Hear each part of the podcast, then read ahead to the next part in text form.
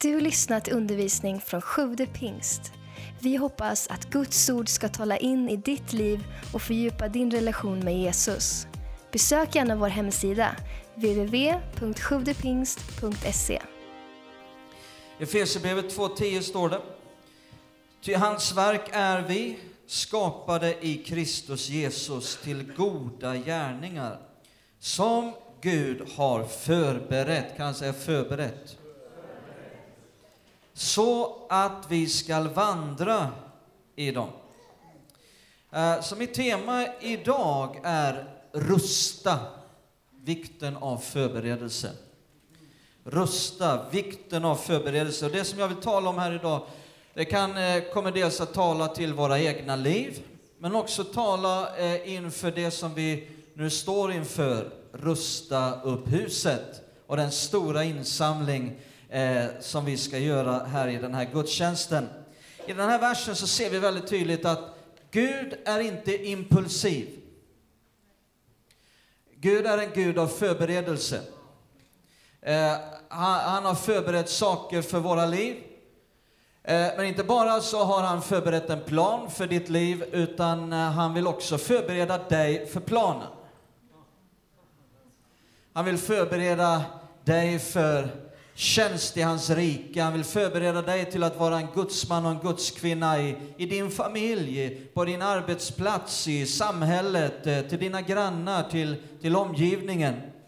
Eh, och först utav allt så ska vi bara titta på det här med förberedelse i det vanliga livet. Vi läser i första krönikeboken, även om inte det handlar om det vanliga livet, så har jag hittat ordet förberedelse där. Så tänkte jag läsa det. Första krönikeboken 22, vers 5. Rubriken i min bibel står det förberedelse för tempelbyggandet. Eh, och det handlar ju om David som förbereder för Salomo att sen kunna bygga.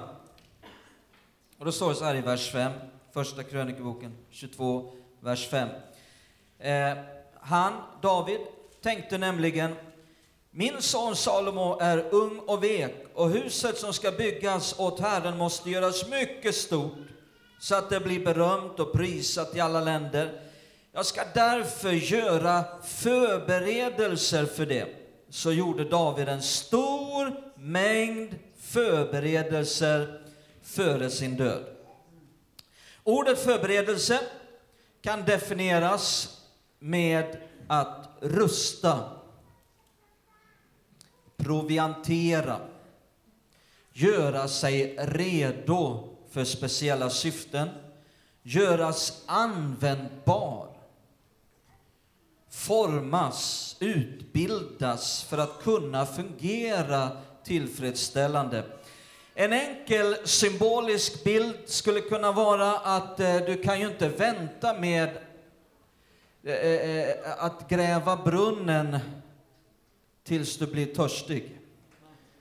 Du kan ju inte vänta tills du blir törstig med att gräva brunnen, för då kanske du dör av törst innan det. Eh, det vill säga, man måste förbereda innan behovet uppstår. Här kommer lite citat också från kända personer om förberedelse. Vi har Smith Wigglesworth, den store pingstpionjären eh, under första delen av 1900-talet. Ni vet han som uppväckte mellan 20 och 30 döda och hade väckelse på jordens alla kontinenter utom Nordpolen möjligtvis. Um, Smith Wigglesworth han sa så här att om du väntar tills du behöver tro med att skaffa tro så kan det vara för sent. Eller han sa det är för sent. Abraham Lincoln sa om jag hade åtta timmar på mig att hugga ner ett träd skulle jag ta sex timmar med att slipa yxan. Kan slänga upp den. Ja, ja nej, nej, men det, nej, ja, där har vi en yxa. Jag tyckte den var fin. Så nu tar vi nästa bild igen. Ni, ni låg på rätt bild.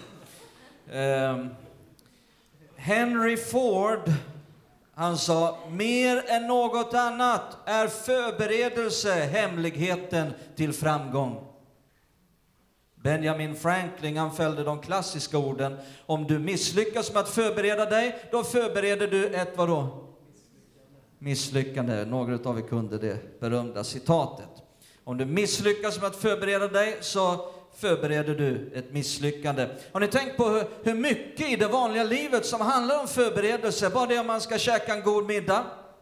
En riktigt fin sån här medium rare steak och så, som grillas fint på grillen och liksom man ska ha, ja, sen behöver man inte så mycket mer.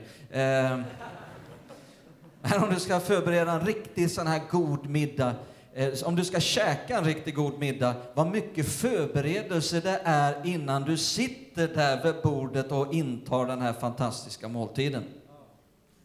Andra i samhället som behöver ta mycket tid med förberedelser är ju armésoldater, poliser, brandmän, sångare, musiker, idrottsmän, läkare. Jag menar bara tänker in i situationen hur många här inne skulle vilja lägga sig på operationsbordet för att få hjärnan opererad och så bara känner du att här är ju inget förberett. Och han som ska operera, han har inte några förberedande erfarenheter eller studier överhuvudtaget. Eller liksom om du, du ska ut på en eh, skoterfärd, nu är vi så pass långt söderut så det är inte många som vet vad man talar Har vi några norrlänningar här inne som vet vad jag pratar om? Ja, det är en hel massa. När jag bodde i Stockholm då sa de att det var fler norrlänningar i Stockholm än i Norrland. Så där lärde jag mig mycket om detta. Eh, jag har faktiskt varit på en skoterfärd uppe i Kiruna. Men tänk er, om du ska ut på en skoterfärd med någon va, och det är minus 15 ute och så kommer du för att hämta upp den här killen och han kommer utspringande i joggingbrallor och träskor. Då undrar du, varför har du inte förberett dig bättre? Eh, så det här med förberedelse i det vanliga livet, det, det, är så mycket i det vanliga livet som handlar om det. Har du någonsin eh, varit där när du bara har känt att du var inte förberedd? Det är ingen rolig känsla. Att stå inför det stora behovet och bara känna, jag är inte förberedd tillräckligt. Har vi det där filmklippet förberett? Inte någon annan dag nu. Bra. Eh, så eh, vi ska strax se ett filmklipp innan vi, säger, innan vi visar det här. För sex år sedan, den 15 januari 2009, så var det ett US Airways-flygplan som lyfte ifrån en flygplats i New York. Och alldeles strax efter starten så bara flög det här flygplanet rakt in i en jättestor flock med fåglar och det slog ut båda motorerna. Flygkaptenen, som hette Chesley Sullenberger, han kontaktade flygtrafikledningen på en gång och, och kollade om han kunde återvända direkt till flygplatsen. Men så insåg han inom loppet av bara några sekunder att han kommer inte att kunna det. Det finns inga andra alternativ heller. Han fattade ett snabbt beslut att landa i Hudsonfloden i New York. Och så lyckas han med det som väldigt få piloter skulle lyckas med i den här världen och räddade livet på samtliga passagerare på det här flygplanet. Och det här blev jätteuppmärksammat både utav George Bush och Barack Obama och 60 Minutes gjorde ett stort eh, program om detta. Och vi ska se ett, ett litet filmklipp som visades på CNN precis när det här hände. Varsågod.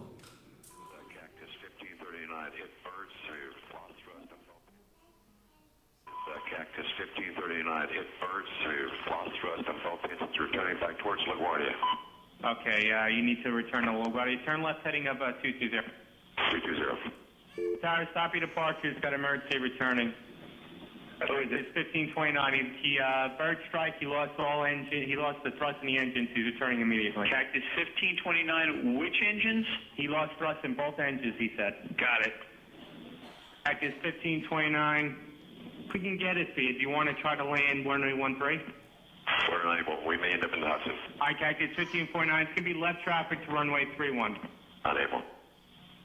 Okay, what do you need to land? Cactus 1549. Runway 4 is available if you want to make left traffic to runway 4. Idiot. I'm not sure we can make any runway. Uh, what's over to our right? Anything in New Jersey? Maybe Teterboro? Okay, yeah, off your right side is Teterboro Airport. Do you want to try to go to Teterboro? Yes. Teterboro, uh, Empire, actually, LaGuardia Park Sky emergency inbound. Hey, Uh, Cactus 1529 over the George Washington Bridge wants to go to the airport right now. going to the airport. Check. Does he need assistance? Uh, yes, he, uh, it was a bird strike. Can I get him in for uh, runway 1? Runway one. That's good. Cactus 1529, turn right 280, you can land runway Perfect. 1 at Teterboro. We can't do it. Okay, which runway would you like at Teterboro? We're gonna be in the Hudson. Um, I'm sorry, say again, Cactus? Cactus 1549, radar contact is lost. You also got Newark Airport up at 2 o'clock in about 7 miles. Eagle Flight 4718, turn left thing 210. 210, uh, 4718. Uh, I think he said he was going in the Hudson. Uh, Cactus 1539. Wow.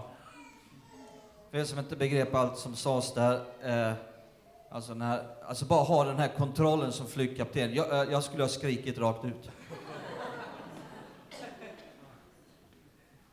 Liksom "Ah!" Det är så man gör när man inte är förberedd, eller hur? Har du varit där någon gång bara ah! Men han var förberedd. Han var förberedd. Och därför kunde han liksom tala med den här mästerliga rösten. Liksom. Alltså, ja, han är ju bara en stor hjälte. Liksom. När de föreslår, han bara negativ. När de liksom föreslår han ska dit eller dit, negativ. Och sen, och sen bara säger han, will be in the Hudson.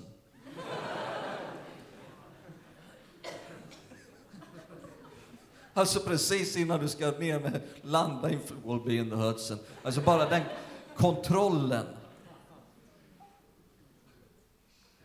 Och när de då frågar honom sen, hur kunde du lyckas med det här? Lyssna på hans svar. Under 42 år har jag gjort regelbundna insättningar på banken av erfarenhet, träning och utbildning. Och den 15 januari så fanns det tillräckligt mycket på banken för att göra ett stort uttag. Han var med andra ord förberedd. Förberedelser under 42 år för någonting som varade i två, tre minuter. Det säger väldigt mycket. Nästa punkt här jag har är förberedelser i tjänst för Gud. Vi såg på det vanliga livet, men nu kommer vi till i tjänst för Gud. För därför att på samma sätt som det finns ett stort behov av förberedelser i det naturliga livet, eh, så behövs det också ett förberedande när Guds verk ska utföras av Guds tjänare. Allt och alla som Gud ska använda måste genomgå processer av förberedelse. Titta i Andra Mosebok kapitel 2. Det handlar om Mose. Andra Mosebok 2, 21-23. Mose beslöt sig för att stanna hos mannen som gav honom sin dotter Sipora till hustru. Hon födde en son och Mose gav honom namnet Gerson. För, sa han, jag har blivit en främling i ett främmande land. Det gick en lång tid, lägg märke till det. Det gick en lång tid. Och under den tiden dog kungen i Egypten, men Israels barn suckade och klagade över sitt slaveri, och deras rop över slaveriet steg upp till Gud. Lägg märke till frasen, det gick lång tid. Moses spenderade lång tid i Midjans land. Innan Gud sen använde honom för att rädda Israels folk ut ur Egyptens slaveri. På samma sätt har vi Abraham som fick vänta i många, många år innan löftet om en son gick i uppfyllelse. På samma sätt har vi Josef i Bibeln eh, som först såldes till slav i Egypten och sen blev han eh, kastad i fängelse. Han fick vänta lång tid innan Gud till sist använde honom för att rädda sin familj och Egypten ur den här svältkatastrofen. Och vi skulle kunna ta många andra genom hela Bibeln som fick spendera lång tid innan Gud använde dem. Och under dessa tider så förberedde Gud dem för det han skulle göra genom deras liv. förberedelse. Vi har Noa som eh, spenderade hundra år med att jobba med förberedelserna inför floden som skulle komma och byggde en ark. Har ni tänkt på det? Att den tid som arken behövdes var väldigt kort jämförelsevis med hur lång tid det tog att förbereda. Och inte alltid, men eh, ofta kan det just vara så att själva förberedelsetiden är avsevärt mycket längre än den tid som genomförandet sker och behovets tid. 1969, när Neil Armstrong satte sina fötter på månen. Det var stort. Och detta och den tid som de var på månen, det var ju en väldigt kort tid jämfört med alla månader och år av förberedelse för att de just skulle kunna göra det. Det finns ett sånt stort behov av förberedelser i våra liv. I Jesu liv så ser vi det mer än hos någon annan. Vikten av förberedelser. Alltså Gud förberedde för Jesu ankomst i tusentals år innan Jesus kom. Paulus säger i Romarbrevet hur Mose lag var någonting som förberedde för Kristus. Och så kom Johannes döparen och det står Johannes döparen hur han förberedde vägen för Jesus. Och så ser vi Jesu eget liv hur han i 30 år förbereddes för en tjänst som varade i tre år. För tre timmar av ett extremt syfte som kulminerade i tre timmar av extremt syfte på korset. Wow. Förberedelse. Så vi, vi behöver fråga oss själva, hur mycket medveten förberedelse pågår just nu i våra liv? Vi behöver stanna upp där. Fråga oss själva, hur mycket medveten förberedelse pågår i våra liv just nu? Du kan vara en som förbereds för vad Gud vill göra genom ditt liv. Du kan vara en som är som är förberedd. När någon kommer till dig och frågar, kan du förklara evangeliet för mig? Att då inte behöva säga, ja vi får gå till pastorn, han kanske kan reda ut det här. Nej, du är förberedd. Du kan vara förberedd när någon kommer och säger, hjälp mig, jag behöver bli döpt i den heliga Ande. Du kan vara en som är förberedd också för den onda dagen. När djävulen kommer med allt tungt artilleri mot ditt liv. Eh, du kan vara förberedd den dagen då alla stormar bara blåser mot ditt liv. Du kan vara en som är förberedd. Men vi måste fråga oss själva, hur mycket av medveten förberedelse pågår just nu i mitt liv? Titta här, Jesus ger en liknelse om, som förklarar vikten av förberedelse i Matteus 25. Matteus 25, låt oss läsa den. Här kommer min sista punkt, som är förberedelse är obekvämt. förberedelse är obekvämt. Och I Matteus 25, vi läser från vers 1. Då ska himmelriket liknas vid tio jungfrur som tog sina lampor och gick ut för att möta brudgummen. Fem av dem var oförståndiga och fem var förståndiga.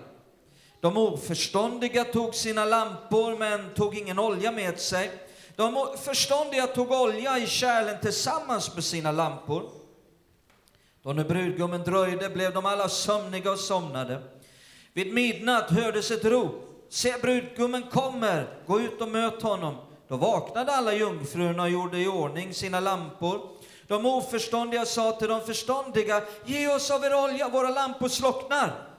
De förståndiga svarade, den räcker kanske inte både för oss och för er. Gå istället till de som säljer och köp. Men när de hade gått för att köpa kom brudgummen och de som stod färdiga gick med honom in till bröllopsfesten och dörren stängdes. Sedan kom de andra jungfrurna tillbaka och sa, Herre, Herre, öppna för oss. Men han svarade, Amen säger jag er, jag känner er inte. Vaka därför, till ni vet inte vilken dag eller timme han kommer.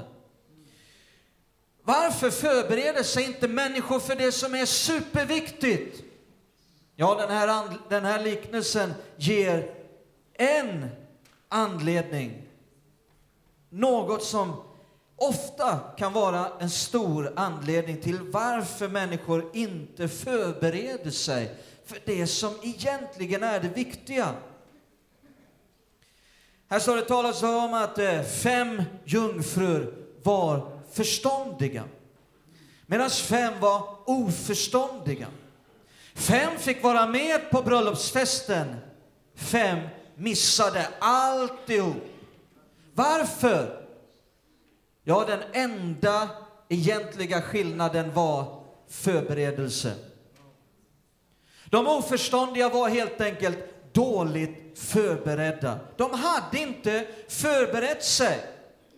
Eh, och när brudgummen dröjde, då räckte inte oljan i deras lampor.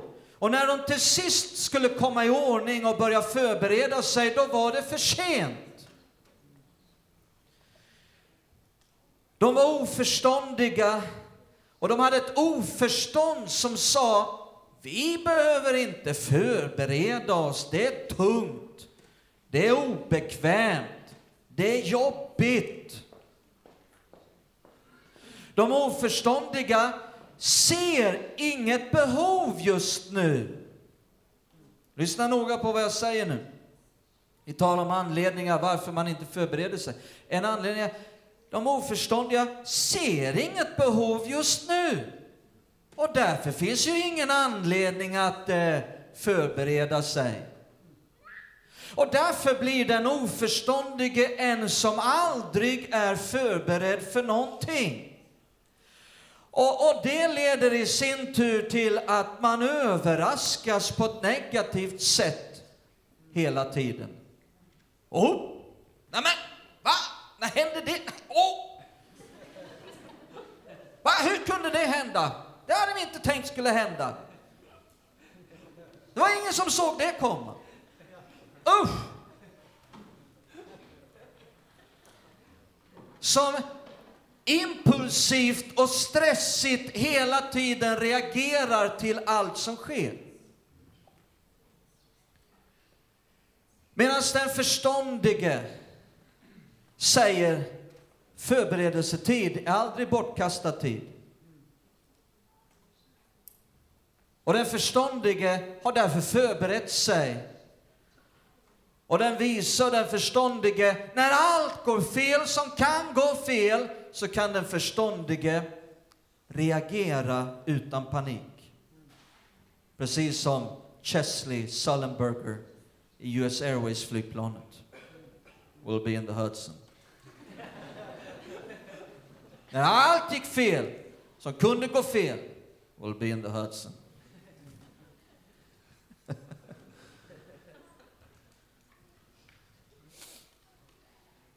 Alltså, skulle man fråga människor så tror jag att många människor skulle gärna vilja vinna olympisk guldmedalj och slå världsrekord samtidigt.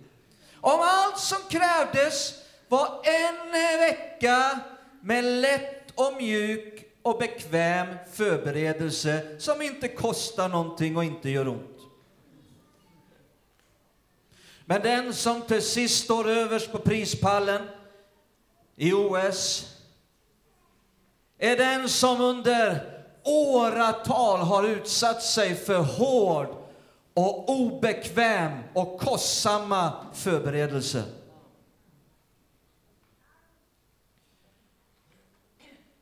Jesus han sa, det finns ett kors för den som vill följa mig och den som vill tjäna mig. Vilket pris är vi villiga att betala? Vad får det kosta? Hur obekvämt får det bli för att vi ska vara förberedda i tjänst för Gud? Vi ska alldeles strax göra en, en stor och, och härlig insamling i den här gudstjänsten till den stora och omfattande renoveringen som vi har planerat att ska dra igång nu här i slutet av januari ungefär. Eh, många har kanske kommit förberedda hit. Vi talar om förberedelser. Så nu vill jag knyta an till den här insamlingen. Vad har det med förberedelse att göra? Ja, om vi börjar där, liksom, många kanske har kommit hit förberedda, har frågat Gud om en specifik summa eller kanske bara bestämt sig för en, en viss summa att ge. Uh, och just nu så har vi också ett, uh, ett projektteam som jobbar med många stora intensiva förberedelser för renoveringen. Är ni glada för det? Att det är en del som nu är igång och förbereder förberedelser. Uh, och den här insamlingen vi ska göra här idag, det är ju en, en, någonting som spelar en väldigt avgörande roll i dessa förberedelser för den kommande renoveringen. Eh, och den här typen av förberedelse kan ju vara obekväm. Och jag tror att vi som församling behöver kunna känna det är lite obekvämt. Och när renoveringen sen går igång så blir det väldigt obekvämt. Var ska vi ha internationellt café? Hur ska barnriket fungera? Och, liksom vi, vi, och, och liksom det är mycket som, som kan bli obekvämt och hur ska vi lösa det? Och, eh, men jag tror att vi som församling, både i insamling och i förberedelser och i renovering och alltihopa, behöver kunna känna det får vara obekvämt. Därför att det handlar om ett, om ett offer till Gud. Och ett offer, vad är, vad är ett offer inför Gud? Ja, ett offer är det ju när man ger så att det gör ont. Är ni med på det? Det är då det är ett offer. När man känner, nu gör det ont, när jag ger till Gud. Eh, och jag gillar när jag får vara med och ge så att det gör ont. Vet du varför? För då blir jag glad. Det, det, är paradoxalt. Har ni upplevt den där paradoxala känslan någon gång? Alltså när det börjar svida lite grann. Att, och vad glad jag blev. Äh, det gjorde lite ont, men, men halleluja! Jag gillar det. Gud älskar en glad givare. Och jag brukar personligen bli glad. Jag vet inte hur det är med dig, men när det, när det gör lite ont. Men inte bara är detta vi gör nu en förberedelse för renoveringen. Renoveringen av hela församlingsvåningen och nedervåningen, den är ju i sin tur en förberedelse för någonting annat. Och det är inte en förberedelse för att vi själva framöver ska få det lite mysigare och lite trevligare och för att vi ska tycka det är lite trevligt här. Nej, den här, det är en förberedelse för människor som inte är med. Helt andra människor än oss själva är vad renoveringen förbereder för. Renoveringen, rusta upp huset, det handlar om en förberedelse för att den här kyrkan ska kunna vara ett effektivt redskap i Guds hand för att evangeliet ska nå ut till nya människor. För att vi ska få vinna nya människor, andra människor, människor som ännu inte är med. Är ni med? Det, det, är en förberedelse, rusta upp huset är en förberedelse för att den här kyrkan ska kunna användas av Gud. För att det här ska bli en underbar växtplats för nya generationer som ännu inte är med. För att de ska kunna växa fram här mitt ibland oss. Tack för att du lyssnat. Glöm inte att du alltid är välkommen till vår kyrka. Du hittar mer info på www.sjuvdepingst.se